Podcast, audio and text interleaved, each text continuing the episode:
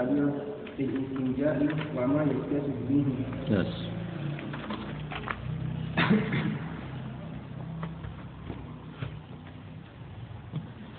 الحمد لله والصلاة والسلام على رسول الله محمد بن عبد الله وعلى آله وصحبه ومن والاه وبعد. السلام عليكم ورحمة الله وبركاته. يقول المصنف رحمه الله الفصل الثالث في الرعاف أو الرعاف. الرعاف هو الدم الذي يسيل على أنف الإنسان وهذا الدم هو الذي يطلق عليه باللغة العربية الرعاف. يقول المصنف ومن رعف وعلم أن الدم لا ينقطع. أخذ الدم يخرج من أنفه. واستمر في خروجه من غير انقطاع. ولاحظ الإنسان الذي يسيل الدم من أنفه أن هذا الدم يبدو أنه لا يتوقف وإنما يستمر في سيلانه. إذا كان ذلك كذلك فإنه يصلي. لأنه ليس باستطاعة الإنسان أن يتوقف ويحجم عن الصلاة بالكلية من أجل أمر طارئ. الأصل العدم الأصل فيه العدم. الأصل فيه أن لا يكون ملازما للإنسان. وإنما طرأ عليه طروءا. مثل هذا الشيء لا يمكن أن يمنع الإنسان من الصلاة. فأنت تحاول كل ما تستطيعه من حيلة من أجل إيقاف ذلك الدم. فإذا لم يتوقف الدم وأنت كمكلف مخاطب بالصلاة. والصلاة هذه لها وقت. فإذا تركت الصلاة من أجل هذا الرعاف ربما أدى الأمر بك إلى أن إلى أن تترك الصلاة لمدة طويلة. فلذلك يقولون أنت تصلي. تصلي مع سيلان الدم.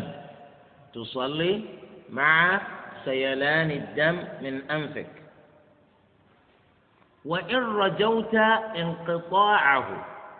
أي وإن كنت ترى أن الدم هذا سينقطع لكنه فيما يبدو مستمر في سيلانه. أنت تصلي.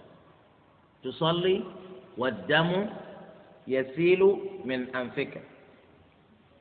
فإن أصابه قبل الصلاة.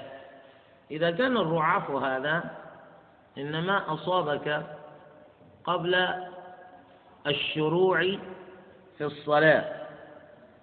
تنتظر حتى ينقطع. تمهله حتى ينقطع فإذا انقطع تبدأ في الصلاة. أما إذا طال انتظار انقطاعه ولما ينقطع في ذلك الوقت أنت تصلي على حالك. فإن لم ينقطع إلى آخر الوقت صلى إذا لم ينقطع الدم إلى آخر تلك الصلاة فإنك تصلي. لنفرض أن الصلاة أن الصلاة ذات الوقت هي صلاة الفجر. معلوم أن وقت الفجر يدخل بطلوع الفجر الصادق ويمتد وقته إلى إلى طلوع الشمس إلى طلوع الشمس لأهل الضرورة. فإذا إذا إذا اصفر اصفرارا إذا اصفر اصفرارا ظاهرا فإنك تصلي لأن الوقت سيخرج. هذا آخر وقت الاختياري لصلاة الفجر فإنك تصلي. لا تؤخر الصلاة أكثر من هذا وإن سال الدم في أنفك. لأنه تقرر في الشريعة أنه يجوز مع العذر ما لا يجوز بغير العذر أنت تصلي. والدم يسيل في أنفك لأنك معذور في ذلك. لقد حاولت كل ما تستطيعه من حيلة وبذلت كل ما تستطيعه من جهد إلا أن الدم لم ينقطع فإنك تصلي فاتقوا الله ما استطعتم. وإن أصابه في الصلاة أصاب الإنسان الرعاف وهو في الصلاة. الرعاف جاء الإنسان وهو في الصلاة. أخذ الدم يخرج من أنفك وأنت في الصلاة. فتله بأصابعه تمسكه بأصابعه توقفه بأصابعه حتى لا يفلت حتى لا يتقاطر دم الرعاف على ثوبك وأنت تصلي فإنك تمنعه بأصابعك تمسكه بأصابعك وتستمر في صلاتك ويا حبذا لو كان عندك شيء كمنديل تستعمله في في مسح ذلك الدم عنك وتستمر في صلاتك. وتمادى أي وتستمر في صلاتك. فإن قطر أي انقطر الدم. نقطة نقطة نقطة نقطة من أنفك. أو سال أي بأن خرج بشكل كبير. خرج لغسله. تخرج من مكان من المكان الذي تصلي فيه لغسل ذلك الدم. وجاز له أن يقطع. كيف تخرج؟ أنت في الصلاة. أنت تصلي صلاة الظهر. فأتاك الرعاة وقال المصنف تخرج لغسله. تخرج وأنت لا تزال في الصلاة أو تخرج بعد أن تقطع تلك الصلاة. هل تخرج وتعتبر نفسك لا زلت في الصلاة؟ أو تخرج بعد أن تقطع تلك الصلاة. يقول وجاز له أن يقطع الصلاة. يعني أنت تخرج لغسل الدم ويجوز لك أن تقطع تلك الصلاة بسلام. تسلم. وتذهب لغسل الدم. لأنك إذا سلمت تكون قد تركت الصلاة. إلا أن السلام إنما شرع الإتيان به في نهاية الصلاة لا في أثنائها. الذي لم يتم صلاته وسلم فإن سلامه لا يفيد شيئا. لا يفيد أنه قد أتم صلاته. والنبي صلى الله عليه وسلم يقول في حديث علي رضي الله عنه مفتاح الصلاة الطهور وتحريمها التكبير وتحليلها التسليم ثم إن التسليم لم يشرع الإتيان به قبل تمام الصلاة. من سلم قبل تمام صلاته فإن سلامه لا يصيب لا يصيب محلا. لا يصيب محلا. يكفي الإنسان الذي ينوي قطع صلاته أن يفارق مكان الصلاة. إذا فارقت مكان صلاتك تكون قد انقطعت عن تلك الصلاة. أنت لا تحتاج إلى أن تسلم لأن السلام إنما يشرع في نهاية الصلاة بعد تمام الصلاة وكمالها. هذا الإنسان إنما صلى ركعة من أربع ركعات وهو يريد أن يسلم. كيف تسلم؟ ومن ماذا تسلم؟ وما ما هو الاعتبار الشرعي الذي نضف إلى تلك الصلاة التي أتيت بها وهي لم تتم حتى سلمت؟ هذا المفهوم موجود لدى الفقهاء. ولدى كثير من أتباعه أن الإنسان إذا أراد أن يفارق الصلاة يسلم يسلم في أي مكان وصل. يكون قد قد صلى ركعة أو ركعتين أو صلى يعني أو أو بدأ في الصلاة يريد أن يقطع تلك الصلاة يقولون يقطعها بالسلام. لا تقطع الصلاة التي لم تتم بالسلام. هذا هو. يقول بسلام أو كلام. شوف يستوي. أن أن يقطع تلك الصلاة بسلام أو كلام. لأن السلام يحتوي على كلام هو من جنس كلام الناس. السلام يحتوي على كلمة هي من جنس كلام الناس. لأن قولك السلام عليكم. كاف الخطاب هذا هو من جنس كلام الناس. فكذلك لو تكلم بكلام الناس يكون قد فارق الصلاة. إذا لو أتى بالتسليم قبل تمام صلاته وكمالها إنما يصح له الخروج من الصلاة به لا لكونه قد أتم صلاته. وإنما لكون السلام هذا يحتوي على كلمة هي من جنس كلام الناس. بدليل أنك لو كنت في الصلاة وسلم عليك شخص وقال السلام عليكم وأنت أجبته بقولك وعليكم السلام لقلنا إن صلاتك بذلك باطلة.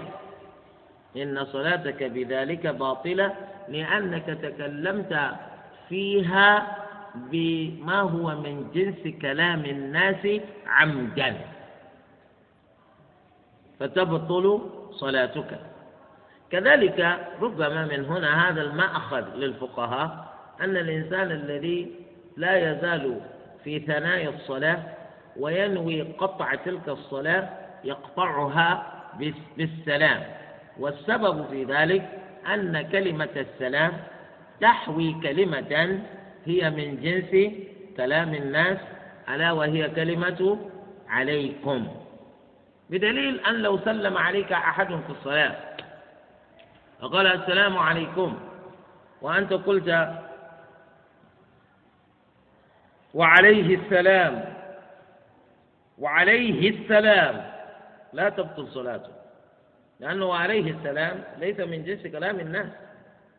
لأنه لا وجود في ذلك الكلام الذي أتيت به لما يشعر بالتخاطب. لا يوجد فيه ما يشعر بأنك تخاطب أحدا. فلذلك يقولون لا تبطل صلاته. مثل إنسان عطس في الصلاة فحمد الله فأنت بدلا من أن تقول يرحمك يرحمك الله لأنك إذا قلت يرحمك الله بكاف الخطاب تبطل صلاته. فأنت تقول يرحمه الله يرحمني الله. فهمتم؟ لا تبطل صلاته. لخلو كلامك مما يشعر بالتخاطب. الذي يشعر بالتخاطب لا يوجد في كلامك. إذا يقول إما أن يقطع صلاته بسلام أو كلام ثم يغسله. إذا قطع صلاته يذهب يغسل ذلك الدم ويبتدئ أي ويبدأ الصلاة من جديد ويبدأ الصلاة من جديد. قوله يغسل الدم هذا قول من القولين الموجودين لدى الفقهاء أن الإنسان إذا رعف في الصلاة فإنه يذهب لي ليتوضأ. هكذا جاء في الحديث الذي جاء عن أحد الصحابة أن الرعاف إذا أتى الإنسان وهو في الصلاة فإنه يذهب ليتوضأ. فإنه يذهب ليتوضأ. واختلفوا في المراد بالوضوء. هو كان على وضوء. هو كان على وضوء.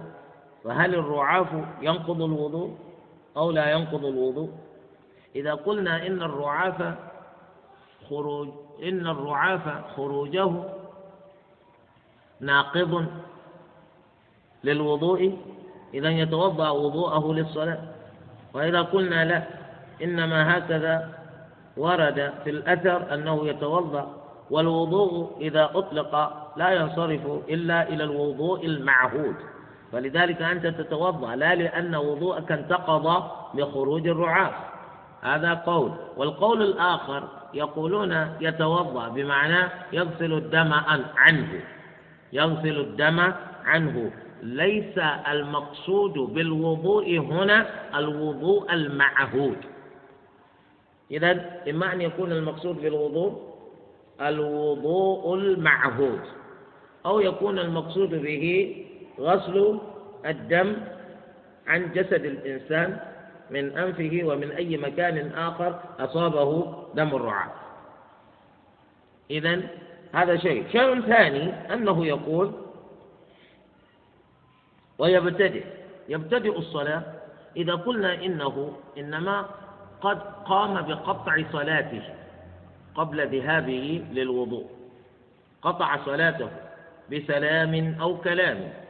فلا علاقة لما يأتي به الآن بما قد أتى به قبل. لا علاقة بينهما الآن. لانفصالهما. انفصل ما قبل الخروج بما بعد الخروج. إذا قبل خروجه صلى ركعتين. ثم دخل الآن بعد أن كان قطع صلاته.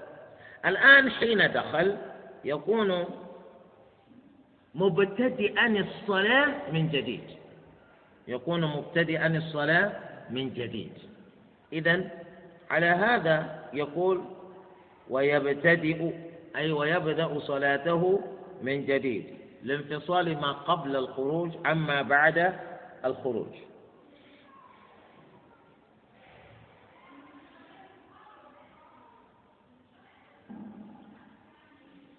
ثم قال وأن يبني على صلاته بعد غسل الدم.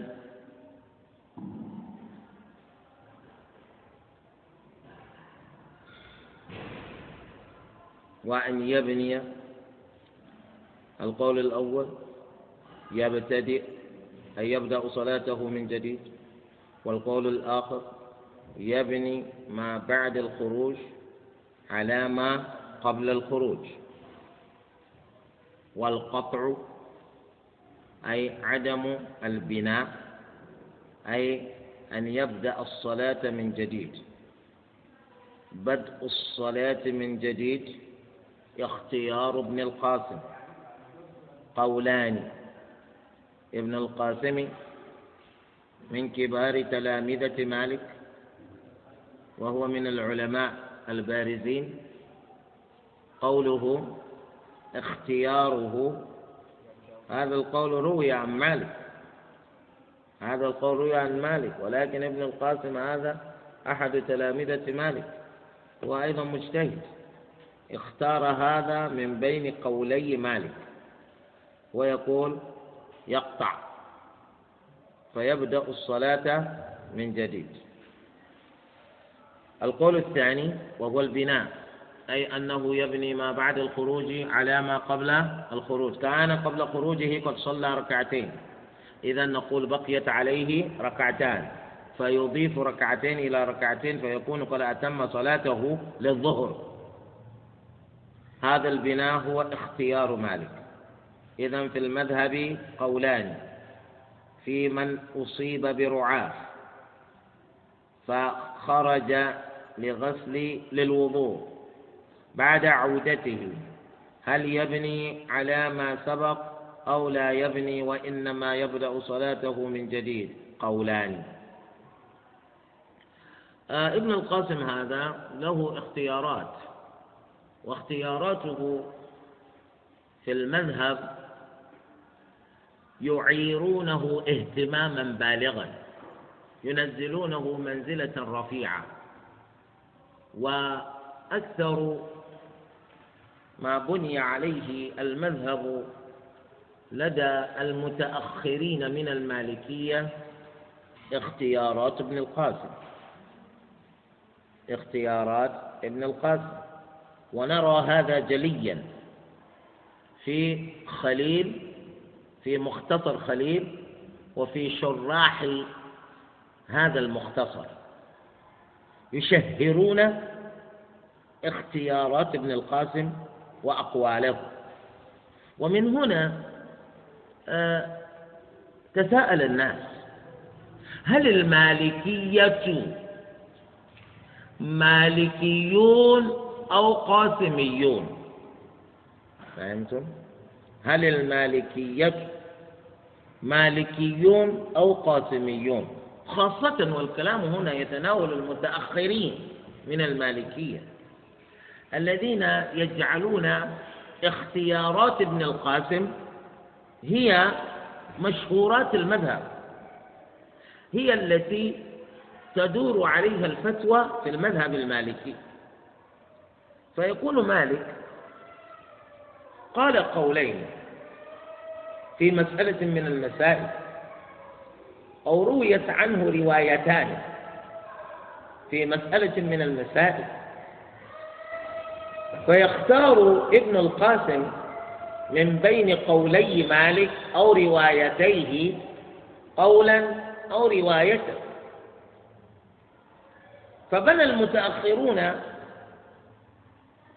المشهورات في المذهب على اختيارات ابن القاسم.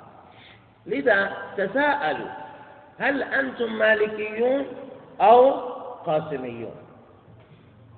وهذه المسألة من المسائل التي لو كتب فيها الباحث فإنه يخرج بنتائج علمية مفيدة. حتى نعلم نحن حينما ننسب هؤلاء الناس إلى الإمام مالك ونقول هؤلاء المالكية يعني هل هذا التعبير صحيح ودقيق؟ أو أدق منه أن نقول عنهم قاسمية؟ نسبة إلى ابن القاسم. وابن القاسم هذا من كبار تلامذة الإمام مالك. وهو الذي روى صحنون أقوال مالك عنه في المدونة. ابن القاسم هو الذي أتاه صحنون. وتساءل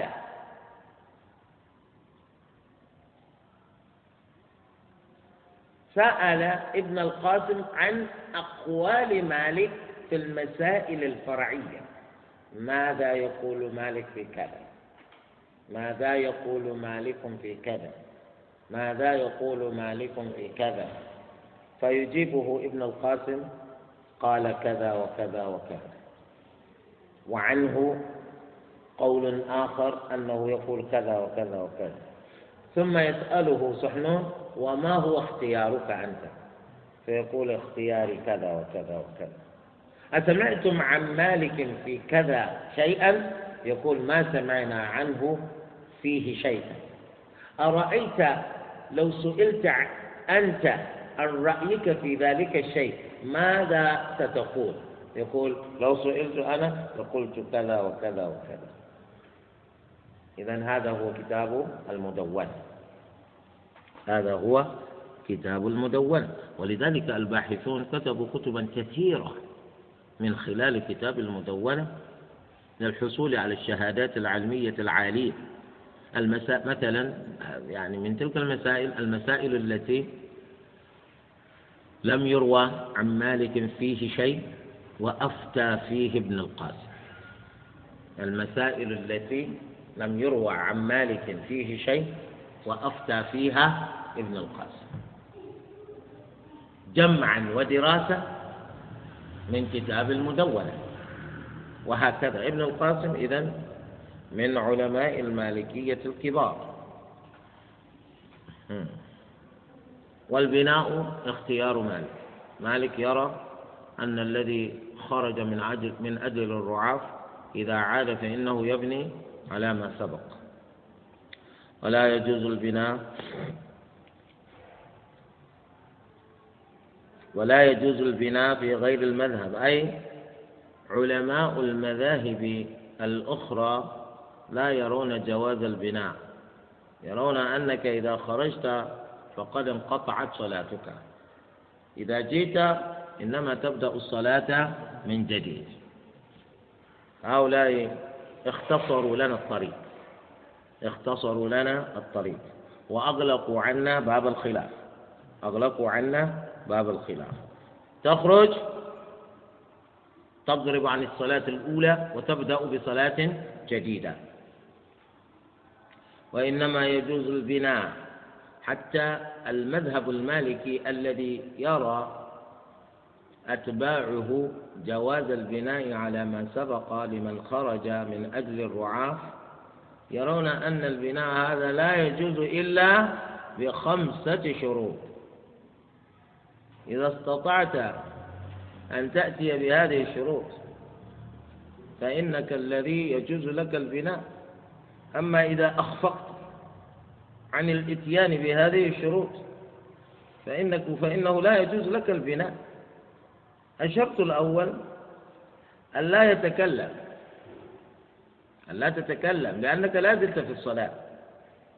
أنت تخرج من المسجد الآن من أجل الرعاة تذهب لتغسل الدم عنك على قولهم وإن كان الصحابي يقول يتوضأ. على قول المالكية يقولون يغسل الدم. أنت خرجت من المسجد من أجل أن تغسل عنك الدم لا تنسى أنك لا زلت في الصلاة لأنك تريد أن تبني على ما سبق. فلا تتكلم. إذ لا يجوز لأحد أن يتكلم في صلاته. إذ لا يجوز لأحد أن يتكلم في صلاته. الصحابي يقول كنا نتكلم في الصلاة في زمن النبي صلى الله عليه وآله وسلم حتى أنزل الله قوله وقوموا لله قانتين وقوموا لله قانتين فمنعنا عن الكلام. أي وقوموا لله قانتين أي ساكتين. فلا يجوز الكلام في الصلاة.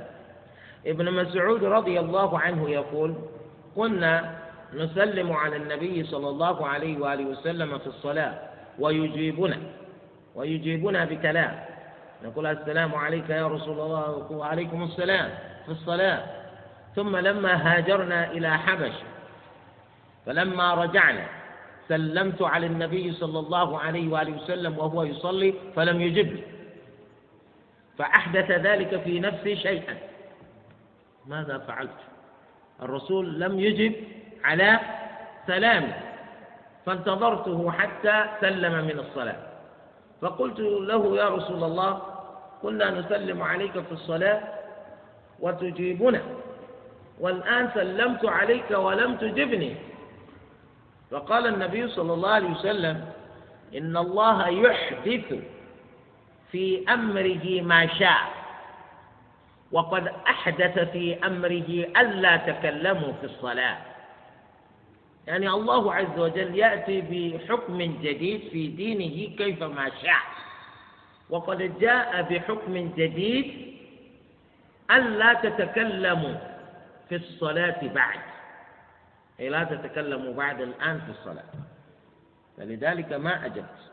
إذا لا يجوز لأحد أن يتكلم في الصلاة. أنت إذا خرجت فلا تتكلم. هذا الشرط الأول. والثاني لا يمشي على نجاسته لأننا نعلم أن المصلي يجب عليه أن يتطهر من الحدث من الخبث. أن يتطهر من الخبث سواء في جسده أو في ثوبه أو في مكانه. فإذا هو مر على نجاسة هذا يبطل صلاته لأنه يكون صلى وهو متلبس بنجاسة وقد علمتم أن النبي صلى الله عليه وسلم كان يصلي يوما فأتاه الملك ليخبره أن تحت نعله أذى نجاسة.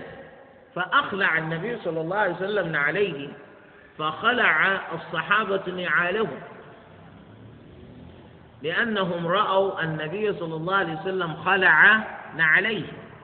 فلما أتم صلاته سألهم لماذا خلعتم نعالكم؟ قالوا رأيناك خلي... خلعت نعليك فخلعنا نعالنا. ما لبسنا النعال إلا للبسك للنعلين. فإذا خلعتهما خلعنا نعالا فأخبرهم النبي صلى الله عليه وسلم بأن الملك أخبره بأن تحت نعله أذى نجاسة. إذا إذا أراد هذا أن يخرج من مكان صلاته فعليه أن يحذر من أن يمشي على نجاسته. لأنه إن فعل ذلك فإنك يعود على صلاته بالإبطال. ثالثا. ألا يصيب الدم جسده ولا ثيابه.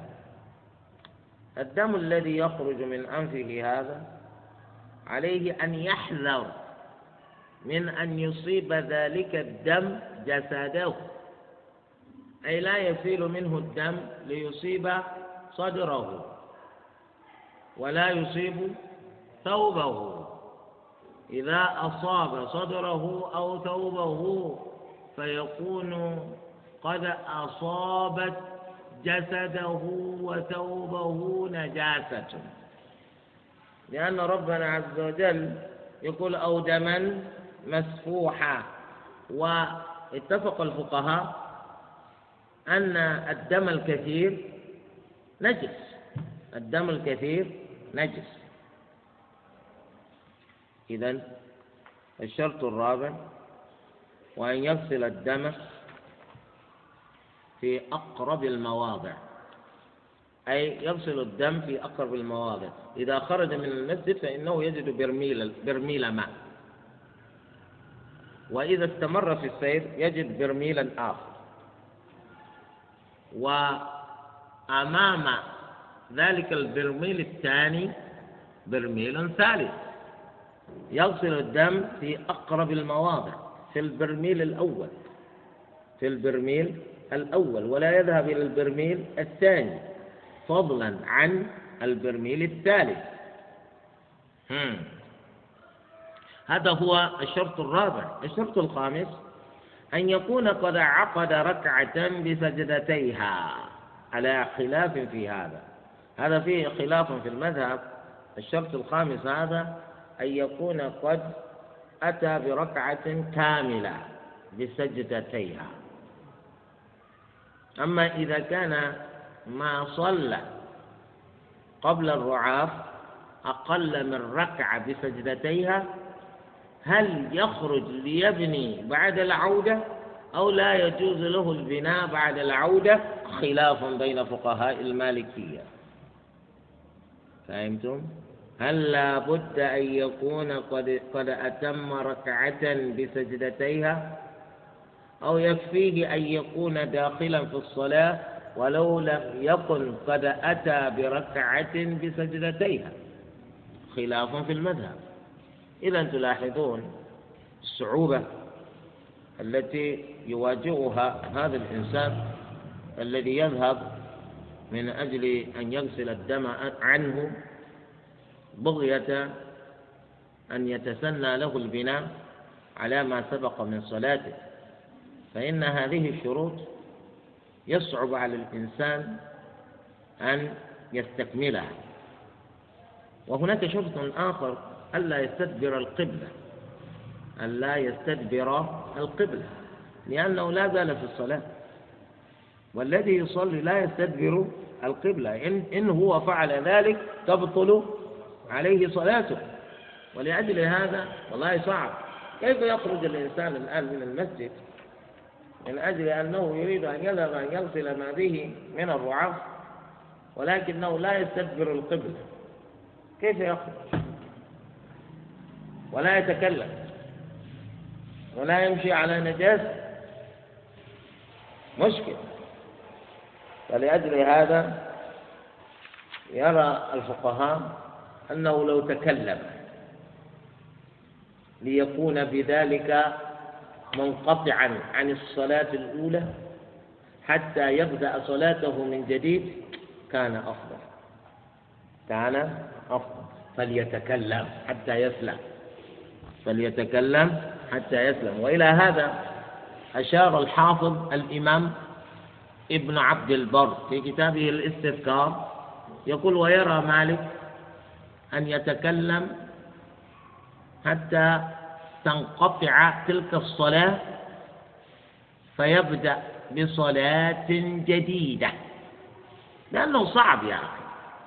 يعني أنت تأتي وبينما أنت تمشي القهقرة تمشي من خلف تمشي من خلف ولا وجود لعين في قفاك. كيف ترى؟ تكون عرضة للسقوط وتكون عرضة لأن تتعثر وعرضة لأن تصيب إنسانا. وإذا أصبت إنسانا فإنه يتكلم يقول أنت لا ترى أنت تمشي وتستكبر المكان الذي تقصده. ماذا بك؟ أنت تضطر أن تجيب. لا إنما سبب إنما سبب ذلك أن بي رعافة. إذا إذا تكلمت هذا الكلام خلاص. بطلت صلاتك. أبطل تلك الصلاة من أجل أن تذهب فتتوضأ على ما جاء في الحديث أو تغسل عنك الدم على تفسير المالكية ثم تعود لتبدأ صلاتك من جديد. والبناء جائز في المذهب للإمام والمأموم. أي يجوز للإمام أن يبني ويجوز للمأموم أن يبني. أما الإمام فأمره واضح لأن الإمام إذا أصابه الرعاف وهو يؤم الناس في الصلاة فإنه يقطع صلاته ويذهب ليغسل عنه الدم ثم يعود. فيواصل الصلاة بناء. الناس ينتظرونه حتى يأتي. وإن لم ينتظروه فأتم كل واحد منهم صلاته لنفسه. فجاء الإمام فإنه يبني على ما سبق من صلاته. وإن كان الأصل ألا ينفردوا بإتمام صلواتهم لأنفسهم قبل عودة الإمام. ثم إن كان المأموم هو الذي أصابه الرعاف فذهب ليغسل عنه الدم. وقبل عودته قد أتم الإمام الصلاة قد سلم بالناس. المأموم هذا إذا جاء يبني على ما سبق أن أدرك مع الإمام. وإنما المشكل فيما إذا كان المأموم رجع ولما يزل الإمام في الصلاة. لم يزل الإمام في الصلاة. فإنه في هذه الحالة آه، يقتدي بالإمام ويصلي مع الإمام ما بقي على الإمام من ركعات. حتى إذا سلم الإمام من صلاته قام ليتم صلاته بما فاته من ركعات مع الإمام. يعني كان قد صلى ركعة مع الإمام وقبل أن يعود من غسل ما به من دم إذا الإمام في الركعة الثالثة فيكون قد فاتته ركعتان أو قد فاتته ركعة. صلى الثالثة مع الإمام وصلى الرابعة مع الإمام أما الركعة الثانية فقد فاتته فإذا سلم الإمام قام ليأتي بتلك الركعة التي فاتته. وإلا ركعته الأولى محفوظة له. فهمتم؟ ركعته الأولى تكون محفوظة له. واختلفوا في المنفرد. الذي يصلي وحده. أصابه الرعاة. ثم ذهب ليغسل الدم عنه. مثل هذا إذا عاد. هل يبني على ما سبق أو يبدأ صلاته من جديد؟ خلاف في المذهب. خلاف في المذهب. منهم من يرى أن جواز البناء إنما يختص ذلك بالإمام والمأموم فقط. ومنهم من يقول الأصل عدم التخصيص. الأصل عدم التخصيص. إذ لا يقال بذلك إلا بالدليل. لا يقال بالتخصيص إلا بالدليل ولا وجود لذلك الدليل المخصص. فالأصل العدم. فالأصل العدم. فإذا تقرر أن الأصل العدم إذا الأصل العموم. الأصل العموم. أي لا فرق في جواز البناء بين أن يكون المصلي إماما أو مأموما أو منفردا. هذا هو.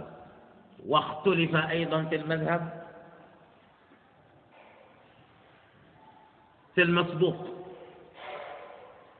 المسبوق.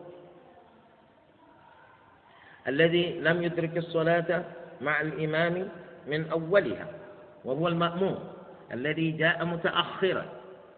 أتى وأدرك الإمام في الركعة الثانية أو أدرك الإمام في الركعة الثالثة أو الرابعة. فهذا الإنسان أراد البناء. مأموم مسبوق أراد البناء فاختلف. هل يبدأ بالبناء أو بالقضاء؟ فهمتم؟ هل يبدأ بالبناء أو بالقضاء؟ يعني هو أدرك ركعة مع الإمام. أدرك ركعة مع الإمام. والإمام في الركعة الثالثة. وهذا الإنسان أصابه الرعاة فخرج وقد أدرك ركعة بسجدتيها خروجا من الخلاف المالكي. فخرج هذا الإنسان ليغسل عنه الدم وتوفرت هذه الشروط فيه. لم يتكلم ولم يمشي على نجاسة ولم يستدبر القبلة وغسل الدم عنه في أقرب مكان في أقرب المواضع ولم يصبه الدم في جسده ولا في ثيابه. هذا الإنسان عاد الآن وقد سلم الإيمان. هل هو يبدأ يبتدئ بالبناء أو بالقضاء؟ كان في ركعته الثانية كان في ركعته الثانية حتى أتاه الرعاة. وقد عقد لتلك الركعة الثانية ركوعها. فبينما يرفع رأسه من الركوع ربنا ولك الحمد إذا بالدم. الآن إذا كان سيبني في ركعته الثانية التي هي الركعة الرابعة أو الثالثة للإمام. إذا جاء يبني كيف يبني؟ يبدأ من الرفع من الركوع.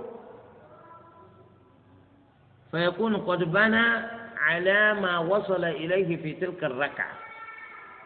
أو نقول يا أيها الرجل أنت تقضي ركعتين كاملتين لأنك إنما أدرك أدركت ركعة واحدة. وفاتتك ركعتان كاملتان. أو أدركت ركعة كاملة؟ وفاتتك ثلاث ركعتان ونصف فاتتك ركعتان ونصف لأن الركعة الثانية بالنسبة لك أتاك الرعاف فيها. بعد رفعك أو وقت رفعك من الركوع. وبعد ذلك فاتتك ركعتان. هل تبدأ بقضاء الركعتين أو تبدأ بالبناء على الركعة الناقصة؟ خلاف في المذهب. الذي يقول إنما تبدأ بالبناء على الركعة الناقصة إذا تبدأ أول ما تبدأ بالرفع من الركوع. يعني تبدأ أول ما تبدأ بالرفع من الركوع. الله أكبر. سمع الله لمن حمده. ربنا ولك الحمد.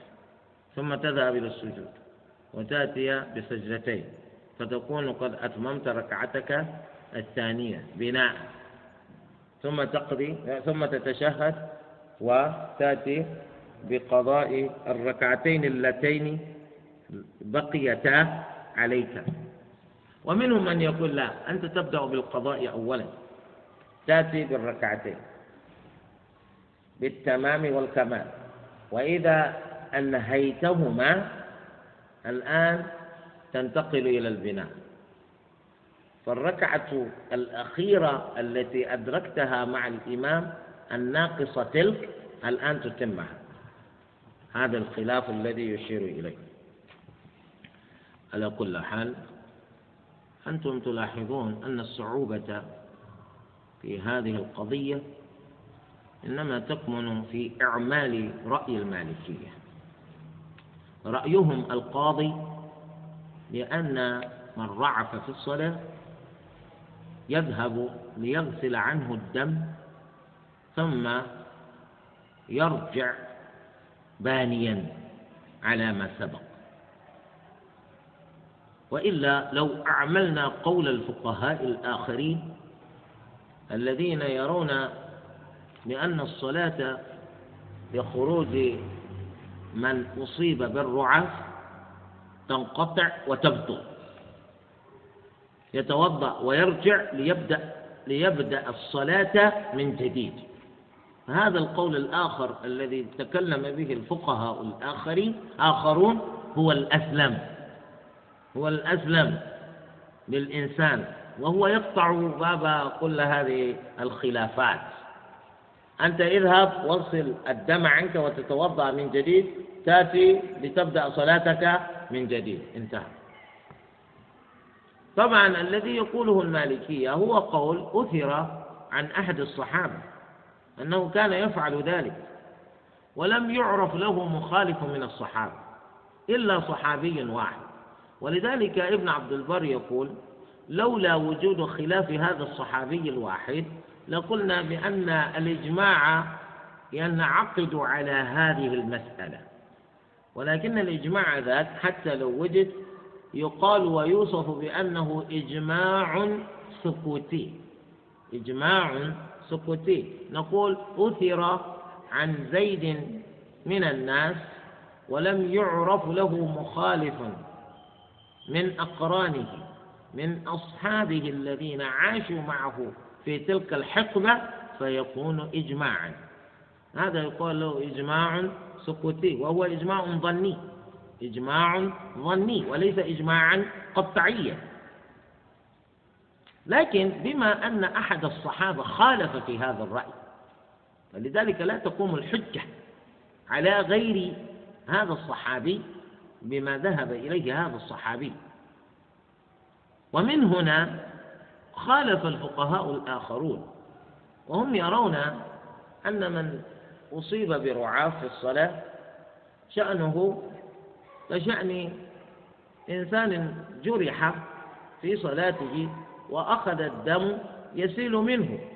وهذا الدم إذا كان كثيرا يذهب هذا الإنسان ليغسل عنه الدم. والصحابي الذي روى هذا الأثر الذي جاء في الأثر هذا هو أنه كان يتوضأ. من الفقهاء من يرى أنه سيجدد وضوءه. والمالكية يقولون الدم الذي خرج منه لا ينقض وضوءه. فكيف نقول له بأن يتوضأ؟ فالمراد بالوضوء إذن غسل الدم. على أي حال المختار عندنا أن الإنسان إذا أصيب برعاف في الصلاة فإنه يخرج ليغسل عنه الدم ويجدد وضوءه ثم يأتي ليبدأ صلاته جديد من جديد. ليبدأ صلاته من جديد. هذا هو المختار إن شاء الله. يقول الباب السابع في الاستنجاء وما يتصل به وفيه فصلان. الاستنجاء استفعال والمراد به هو إزالة إزالة ما في المخرجين أو أحدهما من نجاسة بالماء. إزالة ما في المخرجين أو أحدهما من نجاسة بالماء وقولنا آه، إزالة ما في ما في المخرجين أو أحدهما. هذا احترز به عن النجاسة التي في غير المخرجين وفي غير أحدهما لأن النجاسة إذا كانت في موضع آخر من البدن وقام الإنسان بإزالته بالماء فهذا لا يقال له استنجاء. لا يقال له استنجاء وإنما يقال له إزالة النجاسة كذلك قولهم إزالة ما في ما في المخرجين أو أحدهما من نجاسة بالماء من نجاسة قيد احترز به عن إزالة ما ليس بنجاسة. إزالة ما ليس بنجاسة.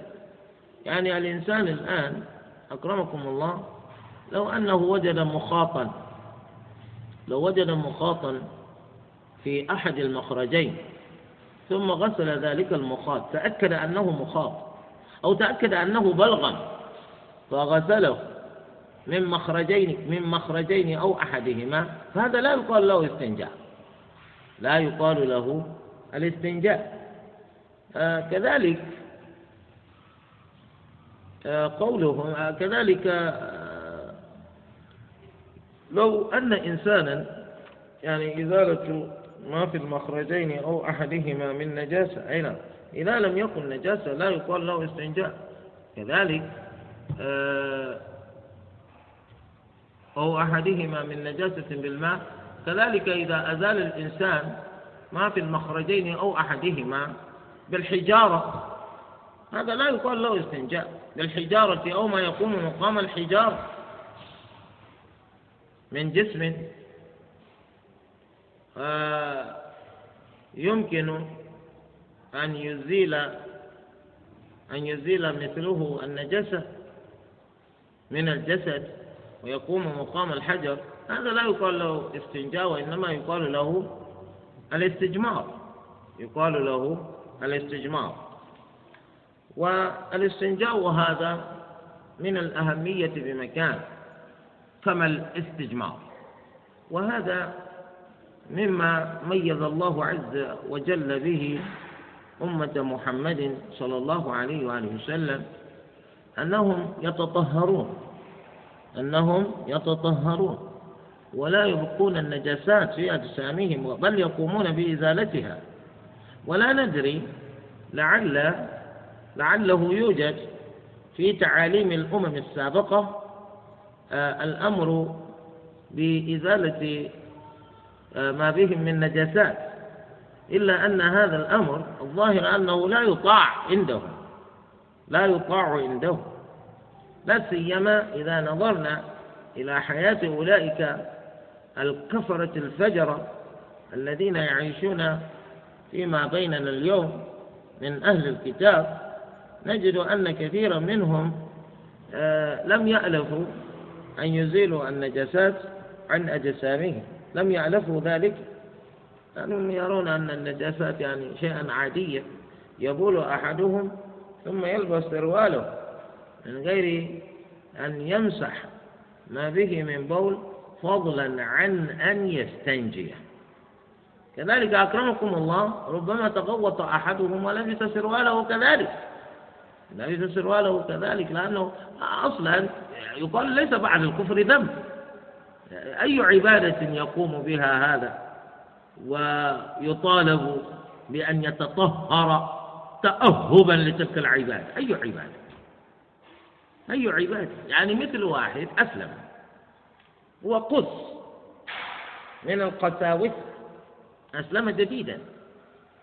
فانضم إلى المسلمين لإقامة الصلاة الأولى بالنسبة له في حياته الإسلامية. ولاحظ أن أحدا من المصلين معهم آه، أخذ يخرج ويدخل من فينة لأخرى.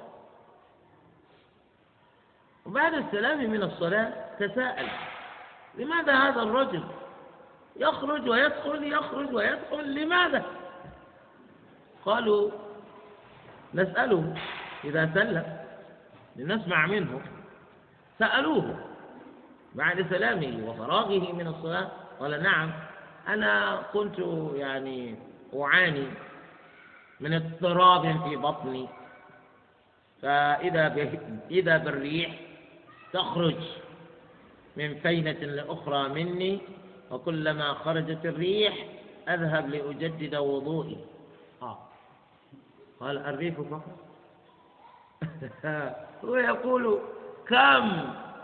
كم أخرج من ريح؟ وأنا ألقي وأنا ألقي الخطاب لأتباعي في كنيستي قبل إسلامي. ولا وضوء؟ أي شيء وضوء؟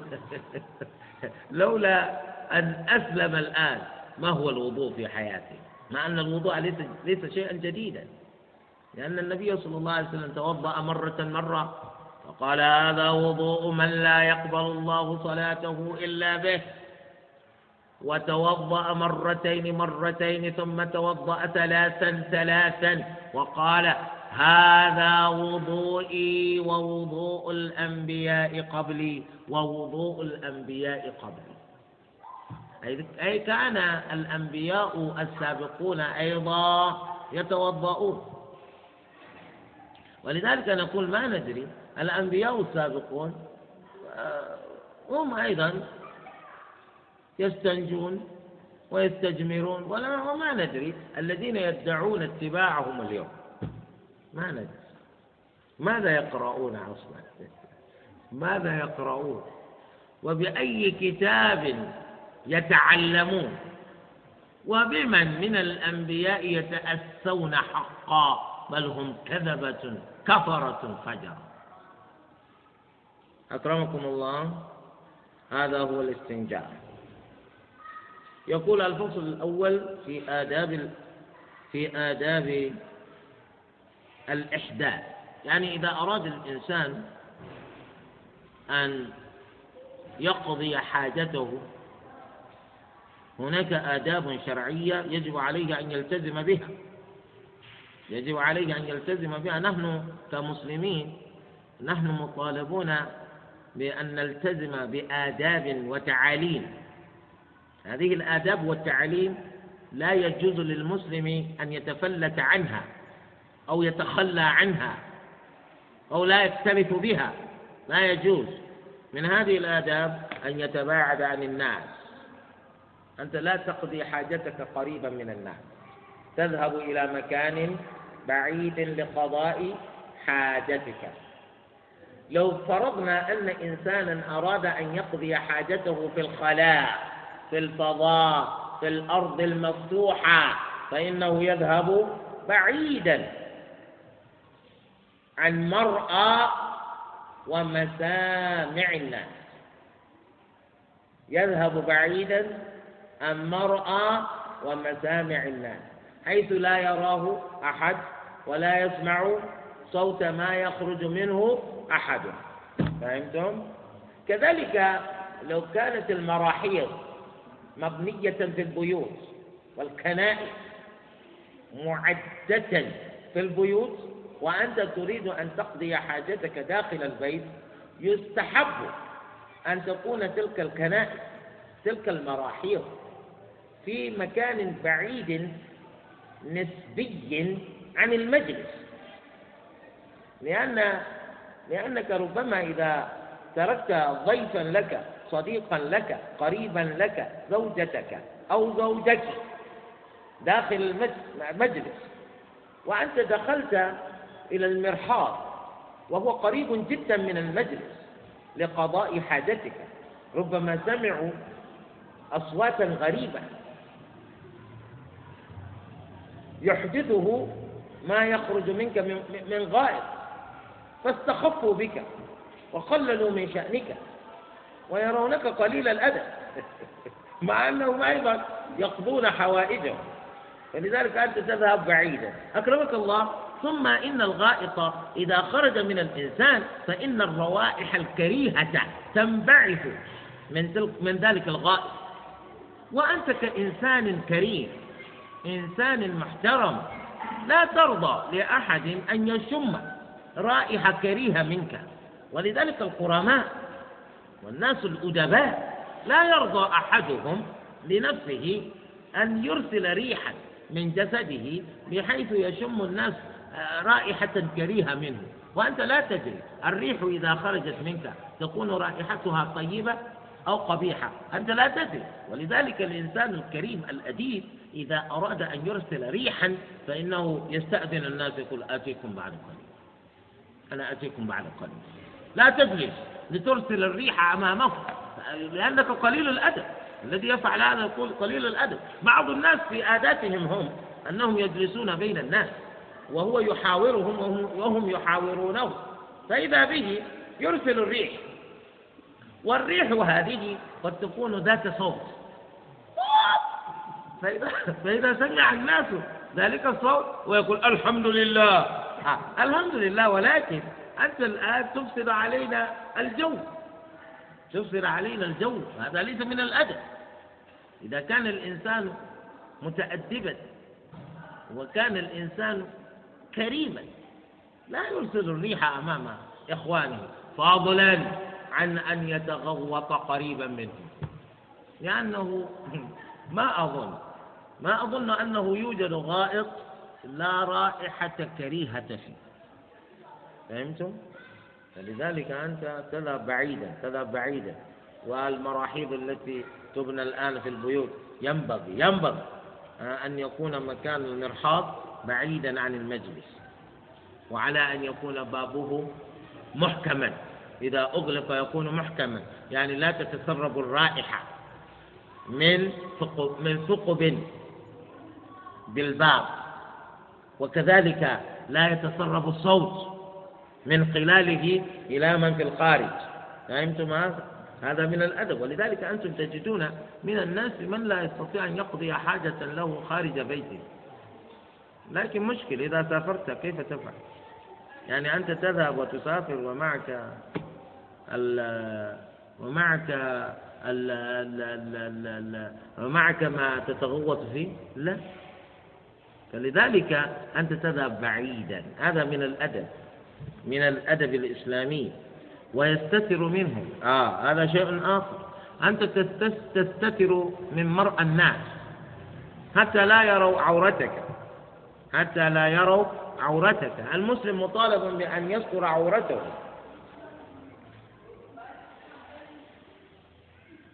جاء في الحديث استبرئوا من هذا البول. استتروا من هذا البول. يعني إذا أخذت تبول تستر عورتك فإن عامة عذاب فإن عامة عذاب القبر من هذا البول. يعني عامة ما يصيب الناس من عذاب القبر من البول. فلذلك إذا جئت تقول عليك أن تستر عورتك. لا تجعل عورتك بادية لغيرك. اللهم إلا إذا كان ذلك الغير زوجا لك أو زوجة لك. زوجا لك أو زوجة لك. لما تقرر في الشريعة ألا عورة بين الزوجين. لا عورة بين الزوجين. أما غير هؤلاء أنت تبول بحيث ينظر الناس إلى عورتك؟ لا يجوز. عليك أن تستتر. عليك أن تستتر. حتى إذا كنت في مكان لا يوجد فيه بناء تستتر به. عليك أن تستدبر الناس وتستقبل شاخصا. إذا إذا كان ذلك الشاخص جدارا جيد. إذا لم يكن جدارا فليكن شجرة. إذا لم يكن شجرة فلتكن دابة فلتكن سيارة. أنت تقول وتستتر بهذا الشاخص الذي أمامك. إذا وأن يجتنب الملاعن. عليك أن تجتنب الملاعن المكان الذي إذا قضيت فيه حاجتك تلعن. هناك أمكنة منعنا عن قضاء عن قضاء حوائجنا فيها. لأنك إذا قضيت حاجتك فيها فإن الناس يلعنونك. وهذه الأماكن هي الطرقات. طرقات الناس. الطرق التي يسلكها الناس. لا تقضي حاجتك فيها. كذلك مواضع جلوس الناس. الأمكنة التي يجلس فيها الناس. لا يجوز للإنسان أن يقضي حاجته فيها لأن الناس لأن الناس الذين يجلسون في ذلك المكان إذا أتوا إلى ذلك المكان ورأوا غائطك رأوا برازك في ذلك المكان فإنهم لن يدعوا لك بل عليك يلعنونك. يقول لعن الله من فعل هذا. لا بارك الله له في عمره ولا في ماله ولا في حياته. دمر الله خيراته. إيه مشكلة. لأنك إيه قضيت حاجتك في مكان جلوسهم. وأنت وأنت نفسك أيضا لا تدعو بخير لمن فعل ذلك لو فعله في مجلسك. كذلك الناس. لا فرق بينك وبين غيرك من الناس. الثالث ظلال. ظلال جدر الجدار السور له ظل. يستظل الناس بظل ذلك الجدار. ثم ذهبت هناك. أنت استظللت بظل ذلك الجدار لتقضي حاجتك فيه. هذا لا يجوز. لا يجوز ذلك شرعا. كذلك ظلال الشجر. يعني أنت ذهبت إلى تحت ظل الشجر فتغوطت هناك. مش لنفرض أن الشجرة شجرة مانجو. واحد الآن أراد أن يقتطف له منجع. فوصل إلى ذلك المكان وهو ينظر إلى المنجع من أعلى الشجرة فإذا به يدوس على برازك؟ ماذا يقول؟ لا. لا بارك الله في هذا الله يلعنه. الله ي... آه. آه. ولذلك لا تفعل. وربما برؤيته برازك أو برؤيته برازك يفر من المكان. وبالتالي رغبته في أن يأكل من المانجا تفر. لأنك جعلت برازك في ذلك المكان. كذلك شاطئ النهر حافة النهر تأتي تتبرز هناك. لا الناس يأتون إلى النهر يأخذون الماء للشرب يأخذون الماء لغسل ثيابهم لقضاء حوائجهم للطبخ. يقول هذا أنت تتغوط هناك يا رجل؟ يقولون يا ابن الشيطان. أنت تتغوط في المكان الذي يأخذ الناس منه. الماء لقضاء حوائجهم اليومية. يا إبليس! يلعنونك. وألا يبول في في في في في, في الحجر. الحجر هو الحفرة تكون في الأرض. هذه الحفرة أنت لا تدري.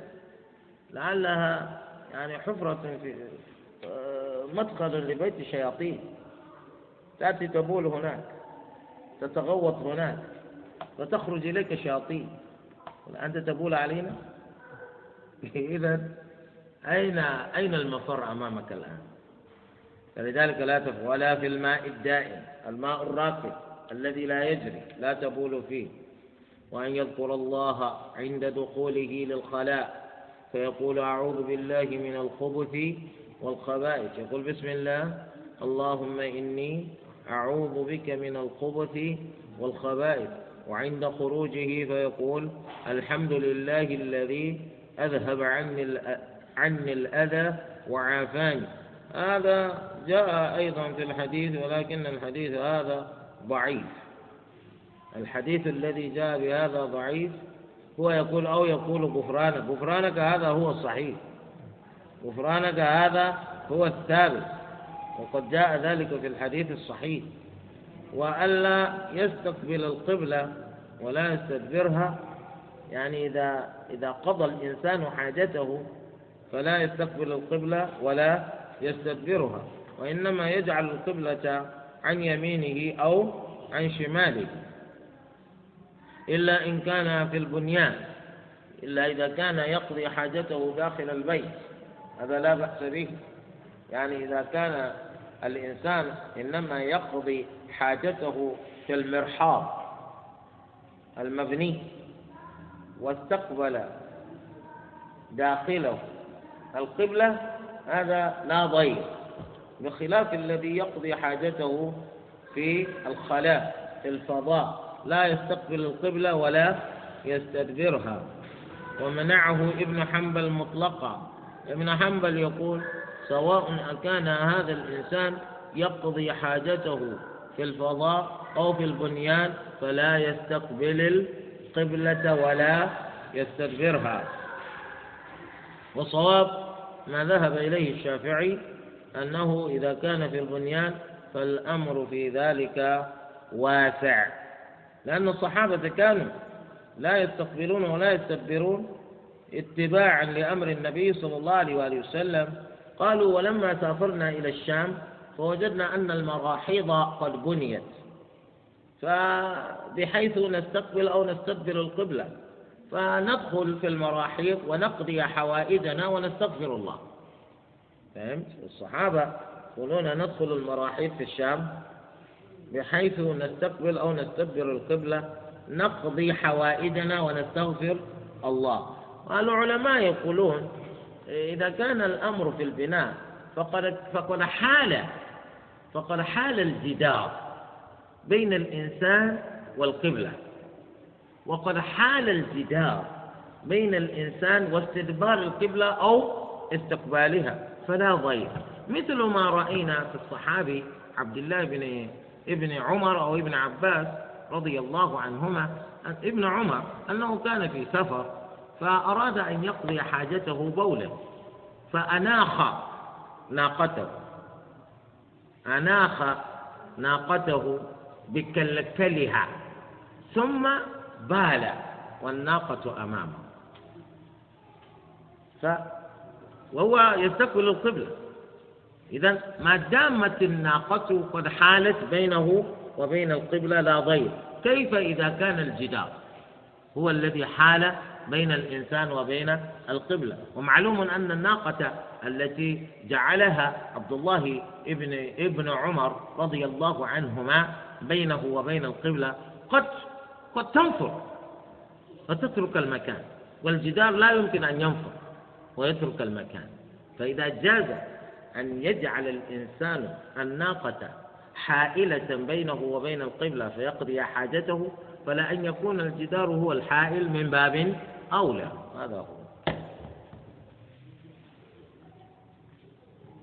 وأن لا يتكلم أي لا يتكلم الإنسان إذا كان في مكان قضاء حاجته سواء كانت تلك الحاجة بولا أو غائطا. لا تتكلم. لا تتكلم. اللهم إلا إذا كان ذلك الكلام مما لا بد منه. كمن تكلم لإنقاذ نفس أو إنقاذ مال. وهذا الكلام يكون في حد الضرورة. في حد الضرورة. كذلك وأن يعد ما يقلع الحدث أي أن يكون معه ما يزيل به الحدث.